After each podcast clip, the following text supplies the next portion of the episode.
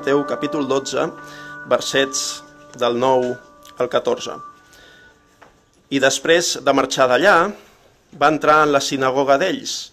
I heus aquí hi havia un home que tenia la mà seca. I van preguntar a Jesús a fi de poder-lo acusar. És lícit de guarir en dissabte? Però ell els digué, quin home hi haurà d'entre vosaltres que tingui una ovella i si li caigués el dissabte en un clot no l'agafaria i la trauria? Doncs quant més no val un home que una ovella? Per tant, és lícit de fer bé en el dissabte. Llavors diu a l'home, estén la mà, i l'estengué, i restà restablerta, tan sana com l'altra. I quan els fariseus van sortir, van tenir un consell contra Jesús per veure de quina manera el destruirien. Hola i benvingut al podcast de Ciutat Nova, una església protestant al barri 22 arroba de Barcelona.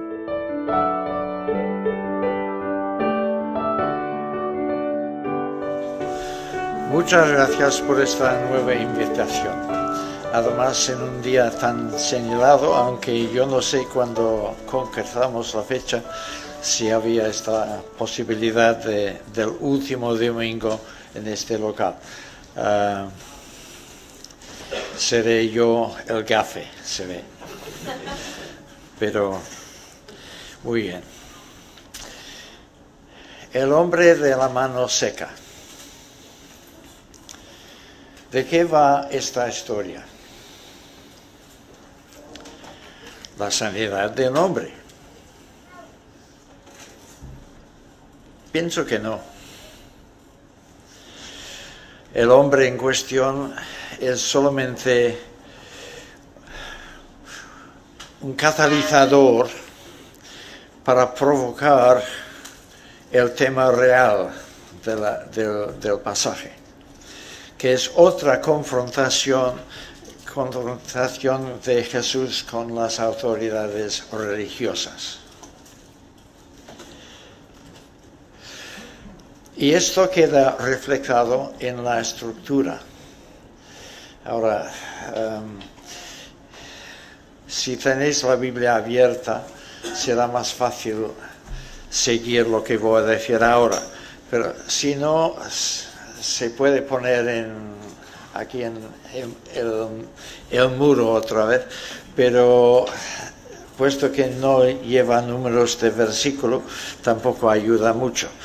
Pero el pasaje tiene estructura de quiasmo. Todos sabéis lo que, es un quiasmo, ¿no? Uh, si no sabéis es que no me invitáis suficientemente, porque siempre hablo de quiasmos. Uh, es una estructura literaria simétrica en la cual la primera idea coincide, de alguna manera con la última idea, la segunda con la penúltima, la tercera con la antipenúltima, etc. Y el centro del quiasmo es clave para entender todo el resto. El texto empieza con Jesús entrando en la sinagoga y acaba con los fariseos saliendo de la sinagoga. Segunda idea y penúltima, hay un hombre con la mano seca. Y penúltima idea, Jesús sana al hombre con la mano seca. Tercera idea, los fariseos plantean la pregunta, bueno, se plantea la pregunta, ¿es lícito sanar en el sábado? Y la antipenúltima idea, Cristo afirma, sí que es lícito hacer el bien en el sábado. Y en medio hay toda la controversia resumida en argumentos de Jesús mismo. Así que el kit de la cuestión, el centro de nuestra historia, no es tanto la sanidad de un hombre, la sanidad es real y está presente, sino la cuestión es lícito hacer bien en el día del Señor. Si Cristo fuera a entrar en esta sala, supongo que hay en ella alguna persona que tiene problemas de salud. Pero su preocupación mayor no sería con esto. Sería con el, hecho de que todos tenemos problemas morales y espirituales.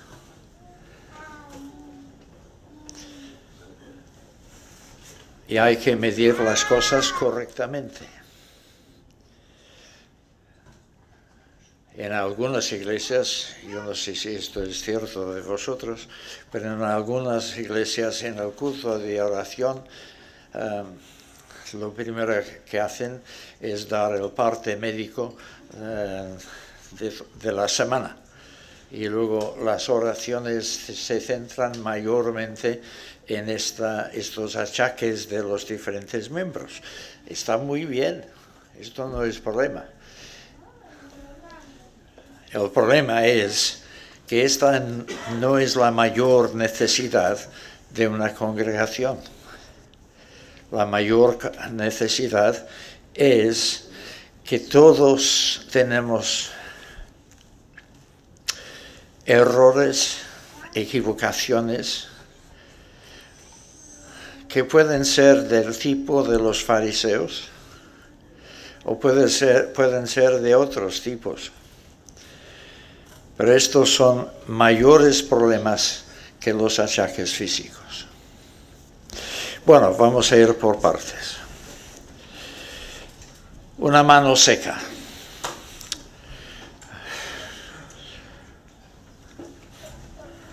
En el 92 sufrí una embolia y estaba en peligro de tener yo una mano seca. Um,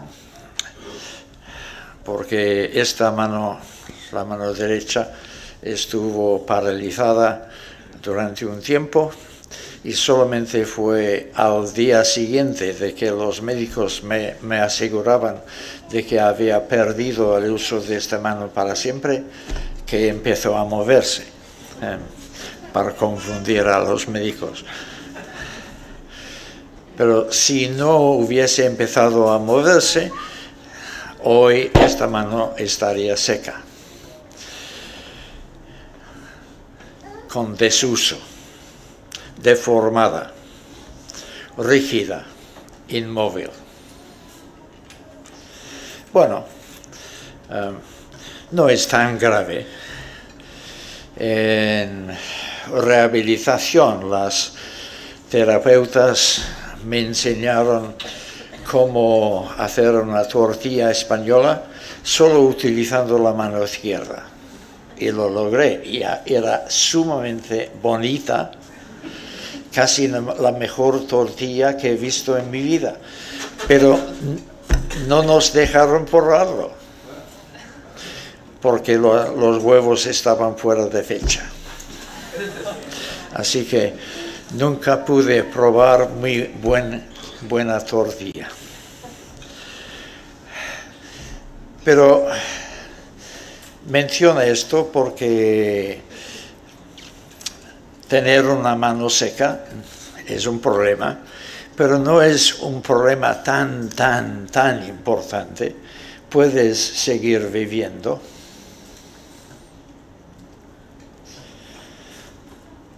Esto también ayuda a confirmar que la importancia real de este pasaje no es solamente esta sanidad,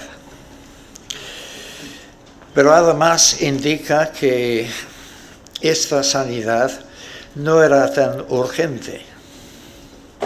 Jesús podría haber aplazado la sanidad perfectamente al día siguiente.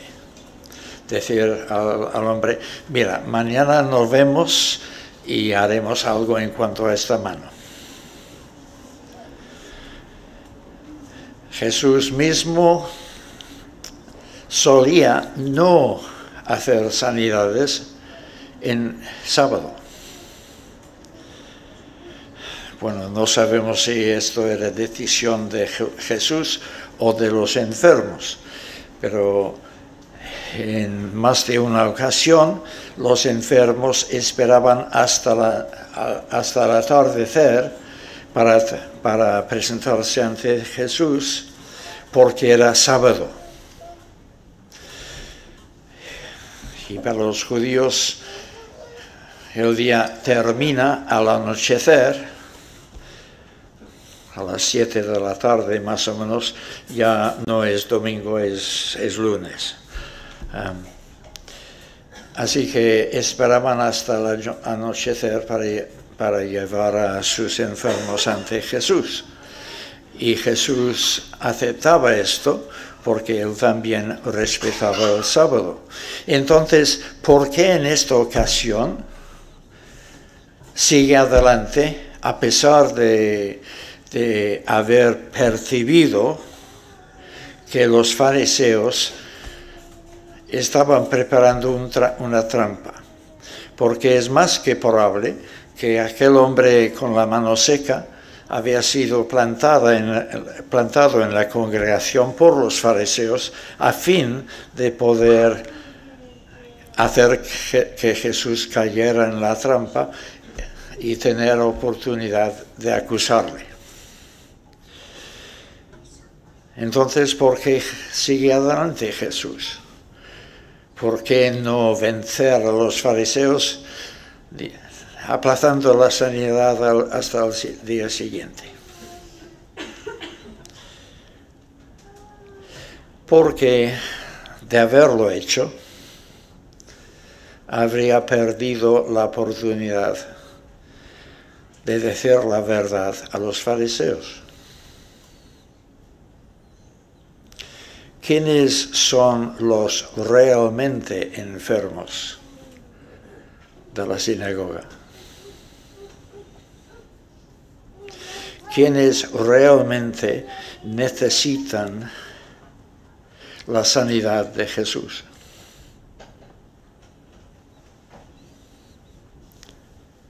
Los fariseos.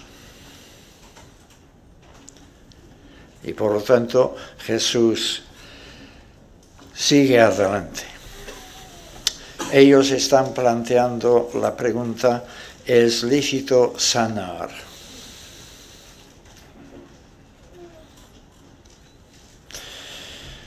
Jesús contesta su pregunta con otra pregunta. ¿Qué hombre hay entre vosotros que tenga una oveja y si ésta cayere en un, hoyo en el día de reposo, no le echa mano, no le eche mano y la levante?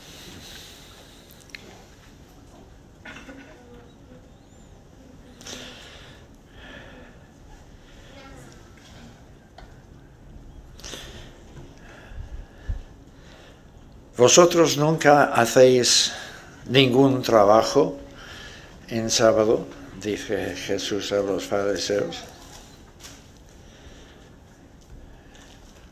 Hay ciertas situaciones urgentes. Si un animal vuestro está en peligro, intervenís para salvarlo. Y luego Jesús va de menos a más. Porque una oveja no es comparable con un ser humano. Si un corderito cae en un hoyo, es una pena. Pero si tu bebé cae en un hoyo, es más serio aún, ¿no? Así que si vosotros estáis dispuestos a actuar para salvar a un animal, ¿con qué derecho me acusáis a mí por querer salvar a un ser humano? Pero además, el argumento va de más a menos porque sacar a un animal de un hoyo requiere mucho esfuerzo, mientras que sanar a un mano seca, si eres el Señor Jesús, casi no exige esfuerzo alguno, como veremos. Pero sobre todo Jesús está denunciando con esta pregunta el materialismo de los fariseos. Vosotros cuidáis vuestros intereses materiales. Si estáis en peligro de perder a, un solo, a una sola bestia de vuestros rebaños, enseguida actuáis, aunque sea sábado. Y sin embargo, allí estáis criticando en la sinagoga porque yo quiero ayudar a un hombre. Actuáis por intereses creados cuando os toca la pérdida de un animal. Yo estoy actuando desinteresadamente. Yo no saco ningún beneficio personal por la sanidad de este hombre.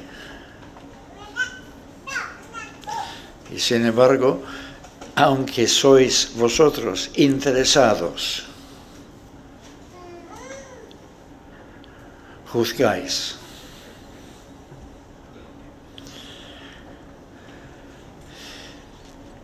Pero hay aquí un principio de mucha importancia.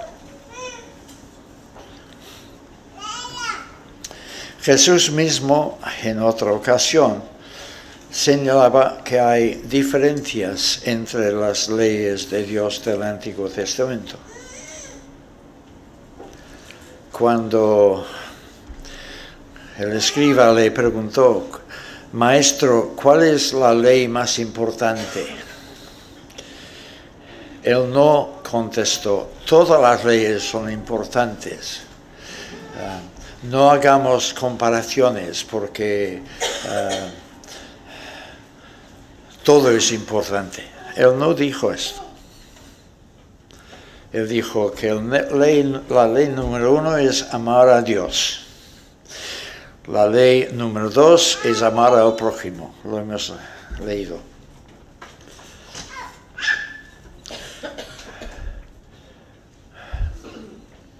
Hay diferencia entre diferentes leyes. Para los fariseos, la ley número 613, o sea, la más pequeña de todas, era la ley que establecía que si encontrabas un nido de pájaro caído del árbol, tenías que volver a colocarlo. Espero que todos estéis cumpliendo esta ley. Aunque en Barcelona creo que pocos nidos se, encuentran en el suelo, pero hay diferencias. Y por lo tanto, a veces en esta vida nos encontramos en situaciones donde hay cierto conflicto entre dos leyes.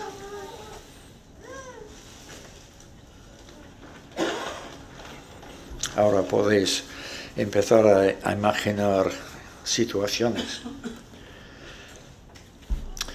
Y tienes que decidir ¿Qué es más importante hacer aquí?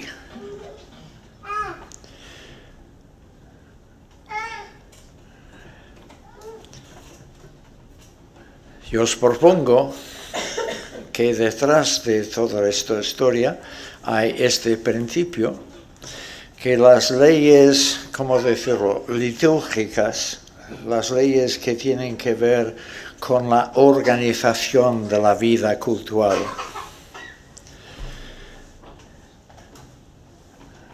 no deben privar sobre leyes que tienen que ver con nuestro cuidado a personas. Que la persona siempre es más importante que la actividad.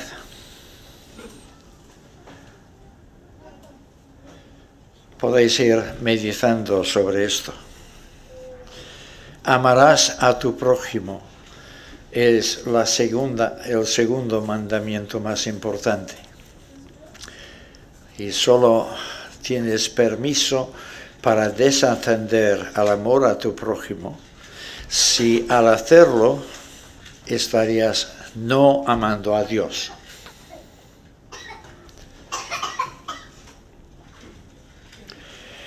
La compasión está siempre por encima de la obligación religiosa. Así que Jesús sencillamente dice al hombre, extiende tu mano. Pero si el hombre tiene la mano paralizada, no puede. Es como cuando dijo, levántate y anda, al, que el hombre, al hombre que estaba tumbado en la cama.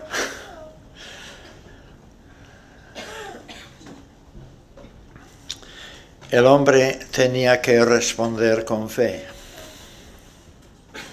y lo hizo. Eso es trabajo.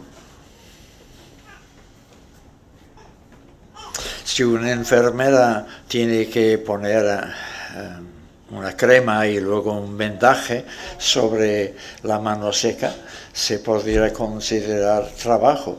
Pero si sencillamente dices, extiende tu mano, hay que ser súper, súper, súper escrupuloso para considerar que esto sea trabajo. Creo que Jesús en este caso no tocó al enfermo, no hizo nada, no le dijo que fuese al, estanque de, de Siloam para lavarse o nada por el estilo, sencillamente para demostrar que no había ningún tipo de trabajo implícito en esta sanidad. Así que primero Jesús calla, hace callar a los fariseos con sus argumentos y luego les hace callar por no hacer nada que se podía llamar trabajo. El hombre fue sanado en el acto. Los fariseos lo ven. Qué maravilla. Sin trabajo, Jesús ha sanado al hombre. Así que vamos a dar gracias al Señor, ¿no?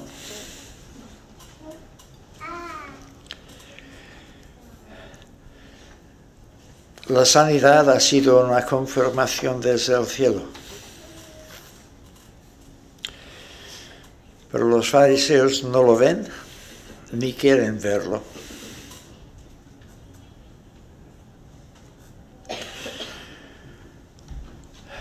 Ellos se marchan de la sinagoga determinado, determinando que Jesús tiene que ser destruido. Es un episodio que nos deja con mal sabor de boca.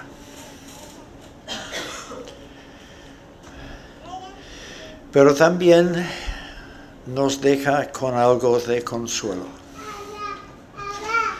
Porque si ante el Señor mismo, ante su manera escrupulosa de actuar en esta situación. Si aún así los que no quieren responder lo atacan y deciden destruirlo, esto nos ayuda a comprender ciertas reacciones que nuestra fe puede provocar en determinadas personas. Porque la gente no ha cambiado. Por cada persona que extiende la mano con fe, hay no sé cuántos fariseos que rechazan, que no se niegan a ver. Siguen tozudamente en sus opiniones porque no quieren cambiar sus vidas. Cuando nosotros somos rechazados, en realidad es Cristo quien está siendo rechazado. Pero vale la pena seguir adelante porque, como acabo de decir, de vez en cuando topamos con una persona que sí está dispuesta a extender la mano.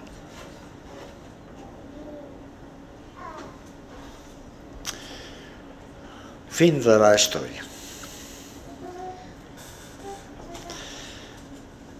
Aquí hay diferentes lecciones que podemos entresacar.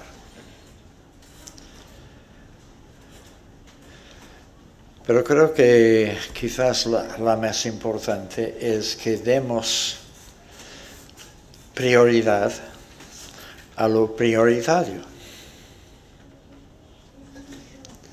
que son las personas y son sus profundas enfermedades morales.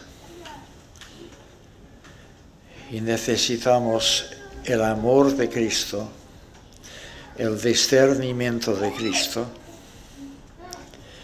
para ver dónde hay la necesidad de la gente, para poder tratarla y producir sanidad. Jesús, que sepamos, no tuvo mucho éxito con los fariseos. Luego, después de Pentecostés, hubo éxito.